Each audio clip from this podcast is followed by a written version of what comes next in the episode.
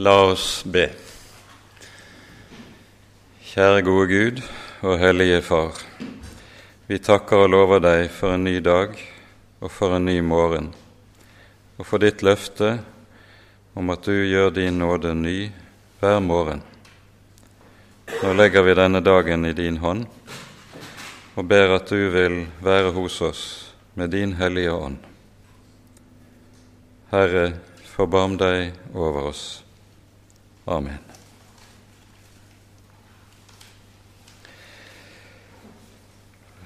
Det fortoner seg eh, kanskje litt kryptisk, den overskriften som er satt over eh, dagens bibeltime. Hun trodde det var gartneren. Eh, og så altså videre den første og den annen Adam. Jeg måtte selv forhøre meg med arrangørene hva som egentlig lå i denne henvisningen. Og Tankegangen er den at i Første Mosebok hører vi om den første hage, der Adam var satt til å dyrke og vokte denne.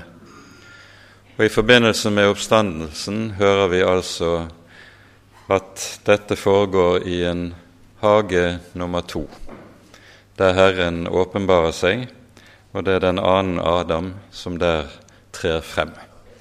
Dette er altså bakgrunnen for uh, overskriften, og det kan være greit for uh, forsamlingen å få skjønne det, akkurat som det var greit for undertegnede.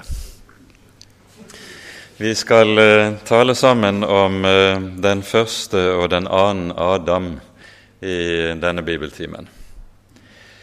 Og med det føres vi inn i en tematikk som er grunnleggende i Det nye testamentet. I det Det nye testamentet jo lærer oss at historien har to sentrale personer. Det er Adam og Kristus. Felles for disse to er det at det går ut en virkning fra den ene til de mange. Og vi kan med full rett bruke de tre musketerer sitt eh, valgspråk om det som vi står overfor, både når det gjelder Adam og Kristus. Én for alle, alle for én. Men den virkning som utgår fra disse to, er altså stikk motsatt fra Adam kommer synden og døden. Fra Kristus kommer rettferdigheten og livet. Og eh, nettopp dette er noe som eh, særlig apostelen Paulus understreker for oss i to ulike sammenhenger i Det nye testamentet. For det første i 1. Korinterbrev kapittel 15, og for det andre i eh, Romerbrevets femte kapittel. Og vi skal begynne i første Korinterbrevs femtende kapittel. Her leser vi først fra vers 19 til vers 22, der eh, apostelen skriver:" Har vi bare i dette liv satt vårt håp til Kristus, da er vi de ynkverdigste av alle mennesker. Men nå er Kristus reist opp fra de døde og er blitt førstegrøden av dem som er sovnet inn. For ettersom døden kom ved et menneske, så er òg de dødes oppstandelse kommet ved et menneske. For like som alle dør i Adam, slik skal også alle bli gjort levende i Kristus. Her møter vi altså første tekst der Adam og Kristus settes opp imot hverandre. første vi skal merke oss i denne sammenheng, er eh, det som nevnes i vers 20 om Kristus som førstegrøden. Det er slik at begivenhetene i påsken i forbindelse med Kristi død og oppstandelse har sterke bånd inn til det som foregikk i tempelet i Jerusalem. Og eh, blant annet var det da slik at første dagen etter sabbaten i påsken så skulle førstegrøden bæres frem i helligdommen i tempelet i Jerusalem. Eh, førstegrøden av kornhøsten ble da båret frem i tempelet og skulle svinges for Herrens ansikt før den da ble eh, ofret og fortært.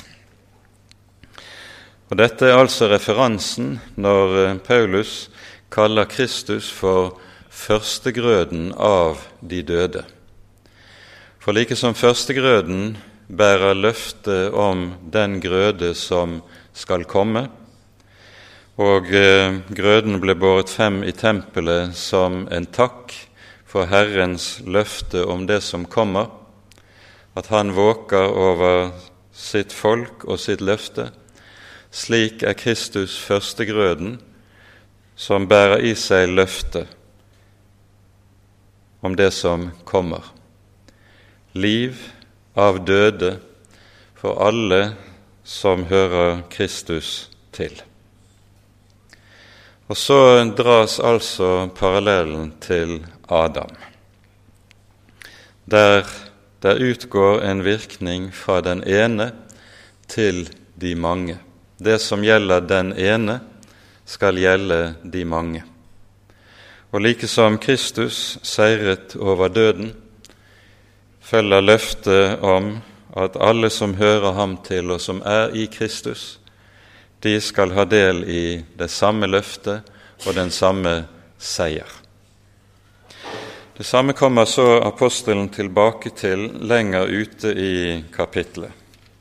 Og her blir eh, forbindelsesleddene til eh, eh, Første Moseboks første kapitler mer eksplisitte.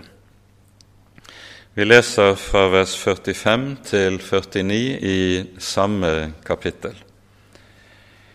Slik står det også skrevet. Det første mennesket, Adam, ble til en levende sjel. Den siste Adam ble til en ånd som gir liv, eller som det står i gamle oversettelsen, til en levendegjørende ånd. Men det åndelige er ikke det første, men det naturlige, deretter det åndelige. Det første mennesket var av jorden, jordisk, det annet mennesket er av himmelen. Som den jordiske var, slik er også de jordiske. Og som den himmelske er, slik skal òg de himmelske være. Og like som vi har båret bildet av den jordiske, så skal vi også bære bildet av den himmelske. Her skal vi merke oss et par helt sentrale saker. Når det står som vi leser i vers 45, at den første mennesket, Adam, ble til en levende sjel, så er jo dette en referanse til Første Mosebok 2, der Herren skaper Adam av jordens støv. Og Så blåser han livets ånde inn i Adams nese, og så står det at Adam ble til en levende sjel. Nettopp dette er det vi møter igjen etter Jesu oppstandelse, når vi hører Jesus, slik som eh, Jim gikk igjennom Johannesevangeliets 20. kapittel, oppstandelsesberetningen der, når Jesus kommer til disiplene som sitter bak stengte dører. Og etter å ha hilst dem med fred, så står det at han åndet på dem og sa:" Ta imot Den hellige ånd. Og Nettopp dette at Jesus blåser på disiplene med ordene 'Ta imot Den hellige ånd', det griper tilbake til det som vi hører i skapelsesberetningen når Herren blåser livets ånde inn i Adams nese. Det er den samme livets ånde som blåses inn i disiplene. Og så trer Jesus frem som den levendegjørende ånd, som lik den allmektige, som er den som skaper liv, gir livet til disiplene. Et liv som er kjennetegnet av at her er seieren vunnet over døden. Her er seieren vunnet over alle syndefallets konsekvenser. Og dette er viktig å ha i mente. Med dette løftet kommer seieren over alle følgene av syndefallet. Men dette er forbannelsen fra denne dag opphevet. Med dette er dødens lodd og dødens straff opphevet. Og løftet gjelder at de som er i Kristus, lever under velsignelsen, ikke under forbannelsen, har del i livet, ikke lenger i døden. Kristus er blitt til en levendegjørende ånd. Det neste vi skal merke oss i denne sammenheng, er det som står i vers 47. Det første mennesket var av jorden jordisk. Det annet mennesket er av himmelen. Vi hører Jesus i Johannesevangeliet i en ordveksling med fariseerne i Johannes 8 si 'Dere er nedenfra, jeg er ovenfra. Dere er av jorden, jeg er ikke av jorden. Med det som Jesus nå fører med seg, føres det inn det som kalles for den nye fødsel. Det er de som hører Herren til, like som Han, fødes ovenfra, ikke nedenfra ikke av jorden, men av himmelen. Det er dette som er den nye fødsel, som springer ut av den siste Adams seier over død og grav. Og så kommer det i vers 49 også en referanse tilbake til Første Mosebok. Like som vi har båret bildet av den jordiske, så skal vi også bære bildet av den himmelske. I Første Moseboks femte kapittel så hører vi det sies i det tredje verset da Adam var 130 år gammel, fikk han en sønn i sitt bilde og i sin lignelse, og han kalte ham Sett.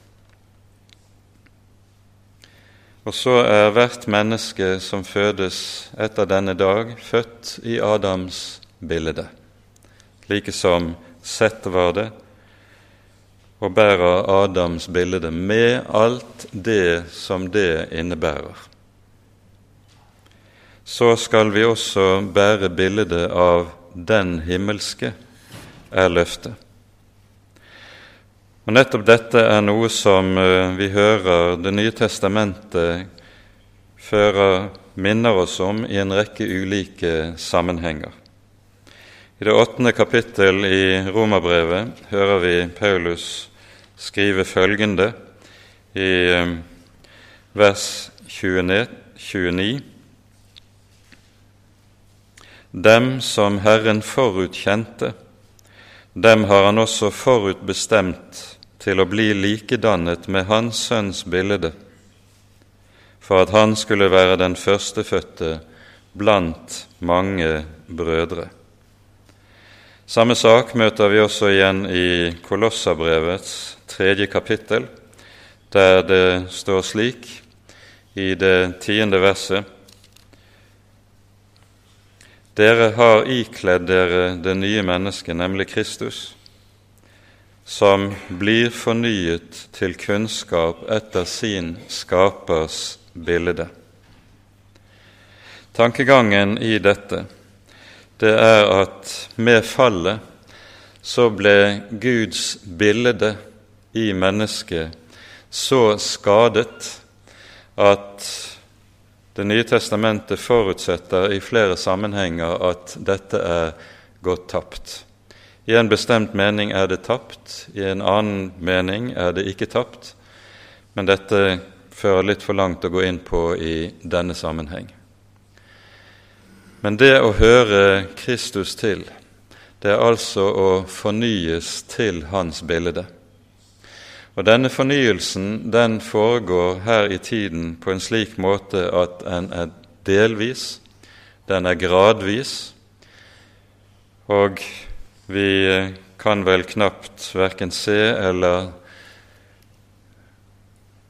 iaktta dette for vår eget vedkommende. Men i fullendelsen skal dette synliggjøres endelig og klart, slik som apostelen Johannes skriver det i sitt første brev, når han sier 'Dere elskede', nå er vi Guds barn.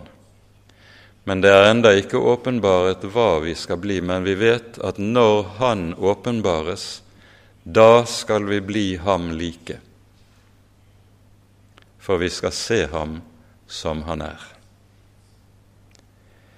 Dette syn er det som fester seg og forvandler alt.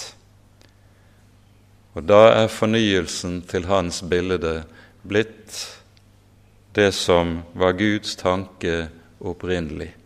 Da har skapelsen nådd sitt endelige mål. For her er det nettopp slik at begynnelsen og enden hører sammen i Skriften. Enden er en fullendelse, enden er en virkeliggjørelse av det Gud hadde tenkt i begynnelsen. Det andre hovedavsnittet i Det nye testamentet som taler om parallellen mellom Adam og Kristus, finner vi i Romerbrevets femte kapittel og vi skal ta oss tid til å lese noen vers derfra. Eh, det gjelder hele avsnittet fra vers 12 til og med vers 19, men vi leser bare fra eh, vers 17. Kom døden til å herske ved den ene fordi den ene falt hvor meget mer skal da de som mottar nådens og rettferdighetsgavens overstrømmende rikdom, leve og herske ved den ene Jesus Kristus. Altså, like som én manns overtredelse ble til fordømmelse for alle mennesker, slik blir også en manns rettferdige gjerning til livsens rettferdiggjørelse for alle mennesker. For like som de mange ble stilt frem som syndere ved det ene menneskets ulydighet, så skal også de mange stilles frem som rettferdige ved den enes lydighet. Også i denne teksten finner vi flere referanser til skapelsesberetningen i Første Mosebok som man kanskje ikke umiddelbart legger merke til. Det første vi bare skal peke på ganske kort, er det som sies i vers 17. Kom døden til å herske ved det ene, så skal liv skal motsatt nådens og rettferdighetsgavens overstrømmende rikdom leve og herske ved den ene. Ordet 'herske' refererer til det som sies til mennesket etter skapelsen. Herren velsignet dem og satte dem over skaperverket og sa:" Dere skal råde over jorden, over alt som rører seg på marken. Dere skal råde. Dette menneskets herredømme over skaperverket, er også rammet av syndefallet på en slik måte at menneskets herredømme i skaperverket fører til at skaperverket gradvis og mer og mer ødelegges av mennesket. I våre dager ser vi dette tydeligere enn noen gang tidligere i historien. Men det herredømmet som det her er tale om, og som skal gjenreises med skaperverket, i skaperverket, det er en gjenreisning av menneskets rådevelde på den nye jord, som blir til uendelig velsignelse. Vi kan ikke si meget om det, fordi Skriften gir kun antydninger. Men dere har nok lagt merke til at i flere sammenhenger når det taler om fullendelsen, så tales det nettopp om at mennesket skal herske eller råde med Kristus. På ny noe som griper tilbake til begynnelsen, det som var Guds skapervilje i opphavet. Dernest refereres det så meget eksplisitt i vers 18 og vers 19 til Adams synd. Like som én manns overtredelse ble til fordømmelse for alle mennesker, slik skal også én manns rettferdige gjerning bli til livsens rettferdiggjørelse for alle. Like som de mange ble stilt frem som syndere ved det ene menneskets ulydighet, så skal også de mange stilles frem som rettferdige ved den enes lydighet. Menneskeheten dras med i fallet, menneskeheten som helhet, og hvert enkelt menneske dras inn i dette Guds opprør som fallet innebærer. Dette vitner vår verden og vår virkelighet om. Dette vitner våre hjerter om på ny og på ny hele livet igjennom. Kristi rettferdige gjerning har den motsatte virkning. Og her er det altså slik at Kristi lydighet er det som bringer oss rettferdigheten tilbake.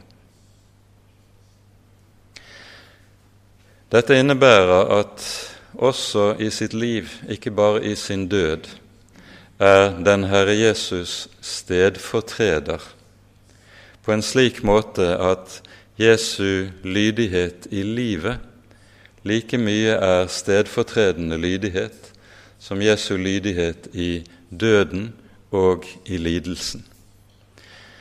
I ortodoksien skilte man her mellom Kristi passive og Kristi aktive lydighet. Hans passive lydighet, det er den vi ser i lidelse og død og kors. Hans aktive lydighet, det er den vi ser i hans liv, i det han fra vugge til grav lever som det fullkomne mennesket, som det syndfrie mennesket, som det mennesket som aldri på noe område eller i minste mål faller i synd. Han er den rene, han er den syndfrie, han er i ordets rette forstand også på dette området det sanne mennesket, nemlig det mennesket var skapt til å være, men ikke ble på grunn av synd og på grunn av fall.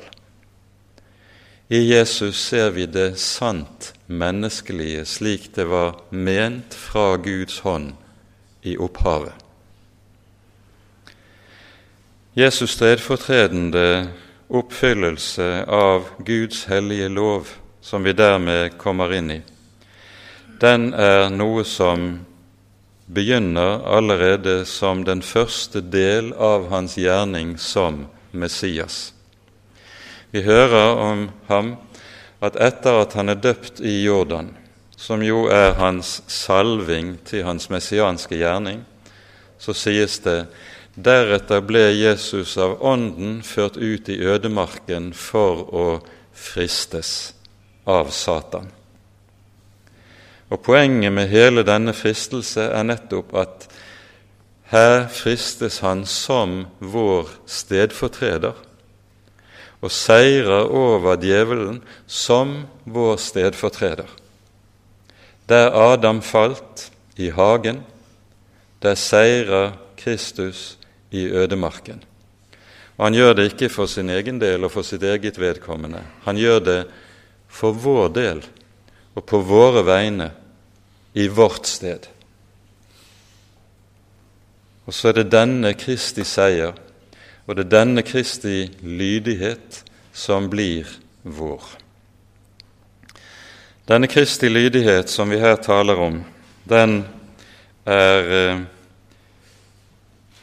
satt frem for oss i en sentral tekst i Filippabrevet, og vi skal lese fra Filippabrevet kapittel 2, fra vers 5.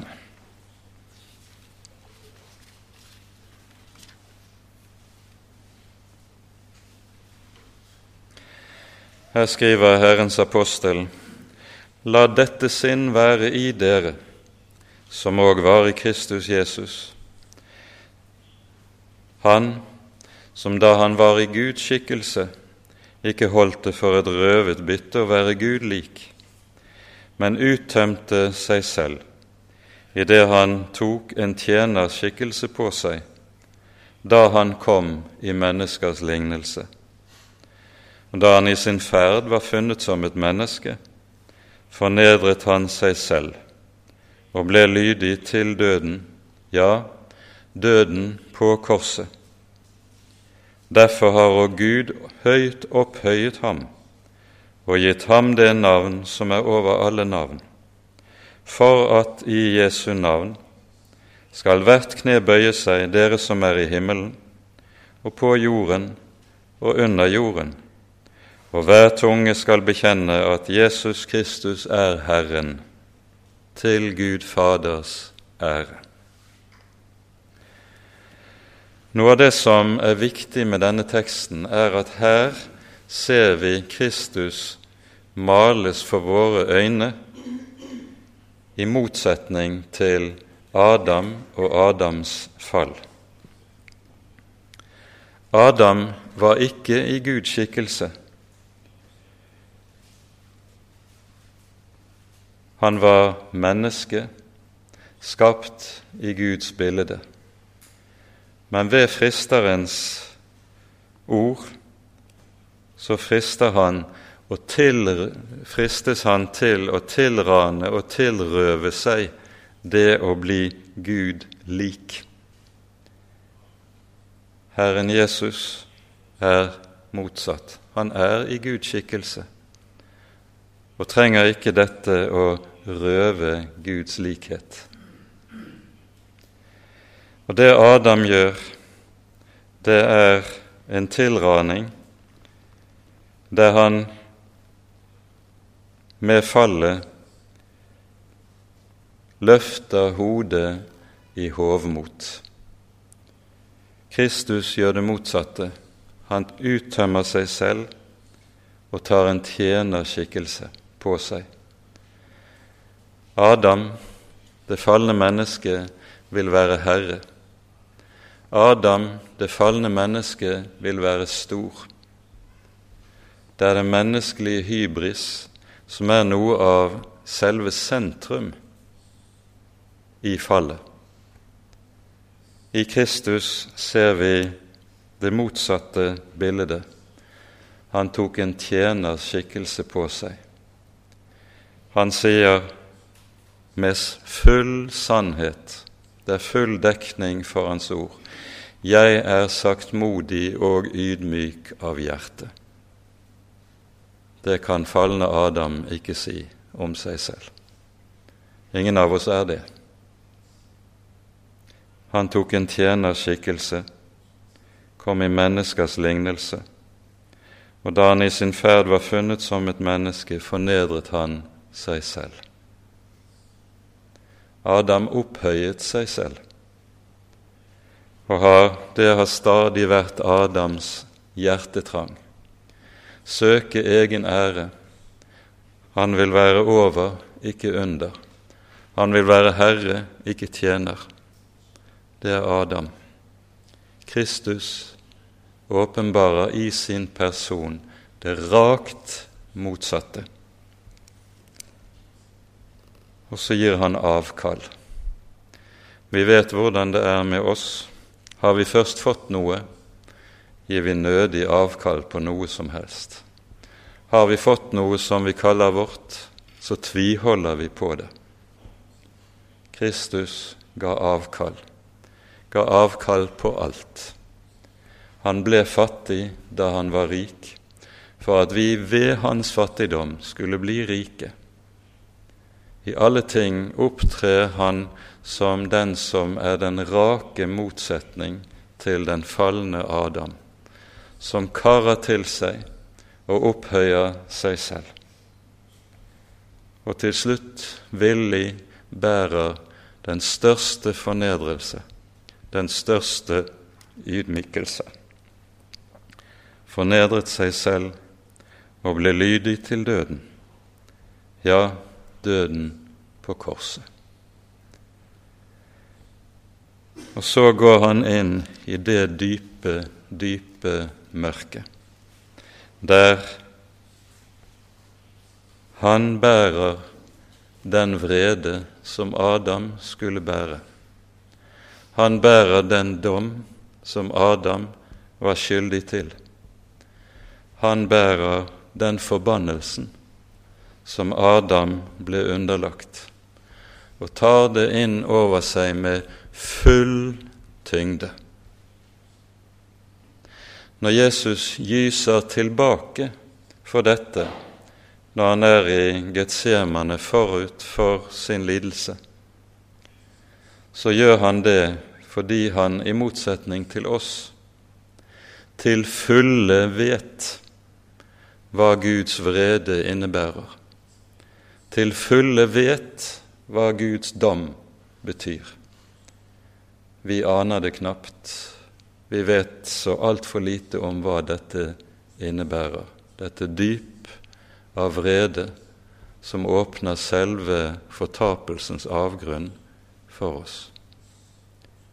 Inn i dette mørket er det Jesus dør, når han er lydig til døden på korset.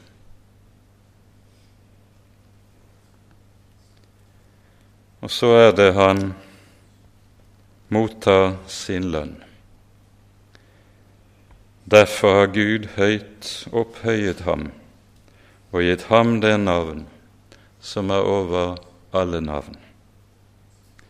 Han er førstegrøden, den førstefødte av de døde.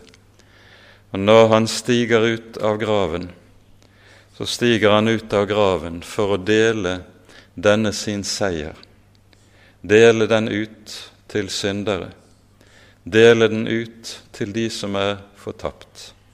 Dele den villig og uten onde ord. Slik vi hørte det, han kommer til dem som svek, med ordet om fred. Ikke med løftet pekefinger som sier 'Hvordan kunne dere?' Fred var ordet han kom ut av graven med. For dette er det han bærer med seg når han stiger ut av graven, selve evangeliet. Evangeliet om frelse for syndere. Dette ble, som skjer slik, det anskueliggjøres også på forunderlig måte i tempelet i Jerusalem, der det står at idet Jesus ånder ut, så revner forhenget i tempelet. Det står at det rives så å si i to fra øverst til nederst. Det understrekes i alle evangeliene som omtaler dette, at det rives i to fra øverst til nederst. Det er verdt å merke seg. Og så er veien inn til det aller helligste, som var stengt, den er åpnet. Og det dette refererer til i Skriften, det er det som sies om hvordan Adam etter fallet drives ut av hagen, hvorpå Herren setter kirubene med det luende sverd, som stenger veien og stenger adgangen til livets tre. Veien til himmelen er stengt. Veien til livet er lukket på grunn av synden, på grunn av forbannelsen. Poenget med at forhenget i tempelet rives i to, det er at på forhenget i tempelet var nettopp kjerubene avbildet, disse som stengte veien inn til det aller helligste. Nå er disse som stenger veien, tvunget til side, og adgangen er åpnet på ny. Adgangen inn til Guds Fader hjerte. Og så har han åpnet en ny og levende vei innenfor forhenget i sitt blod, slik hebreerbrevet formulerer det.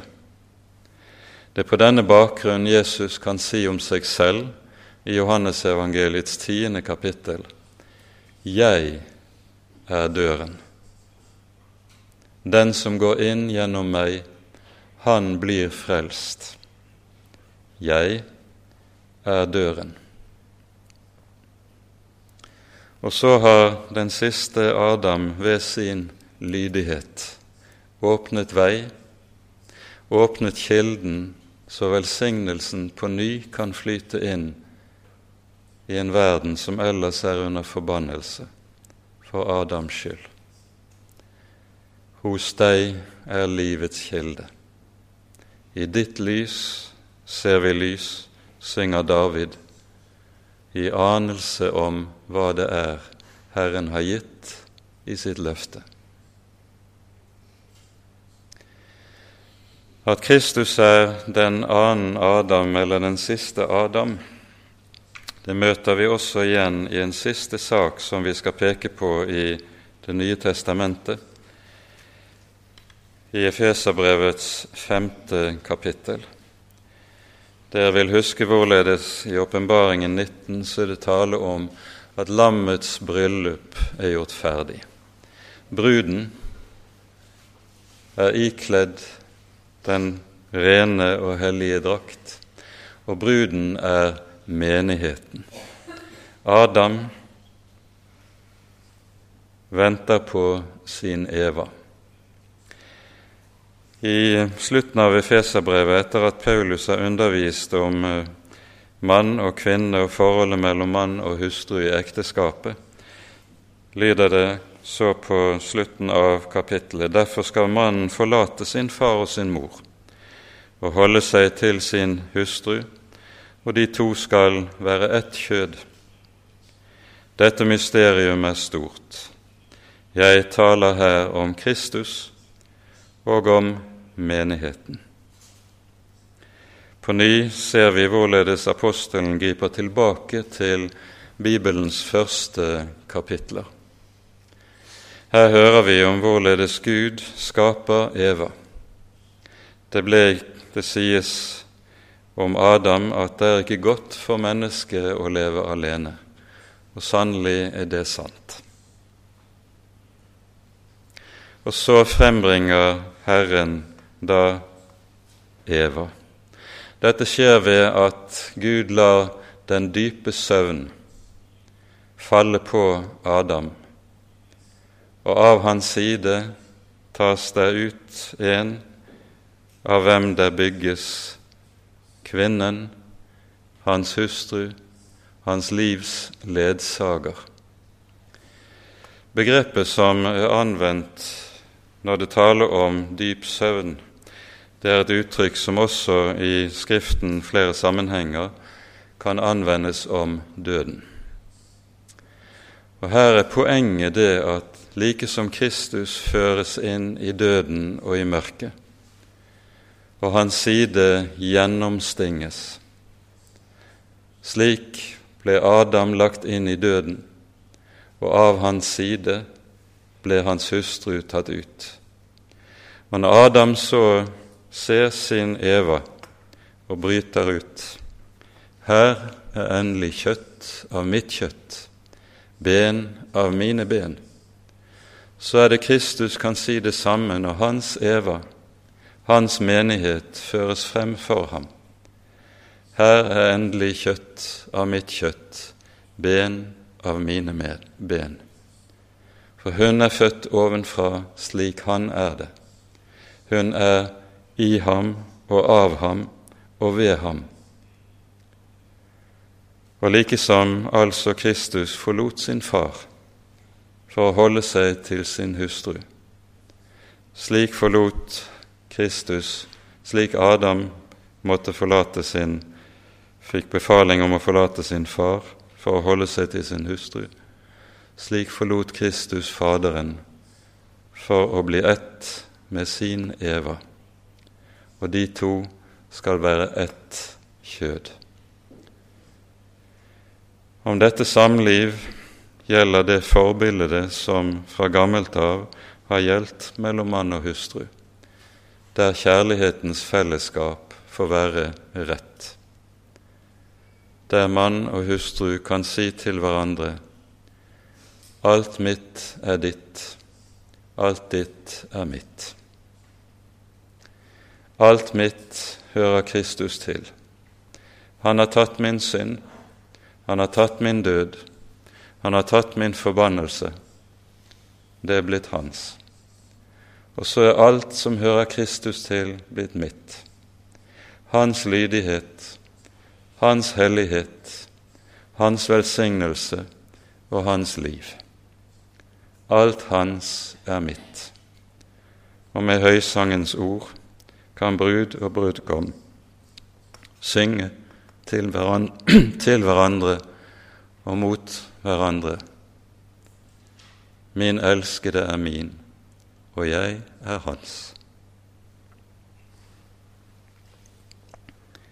Ære være Faderen og Sønnen og Den hellige ånd, som var og er og være skal, en sann Gud, høylovet i evighet. Amen.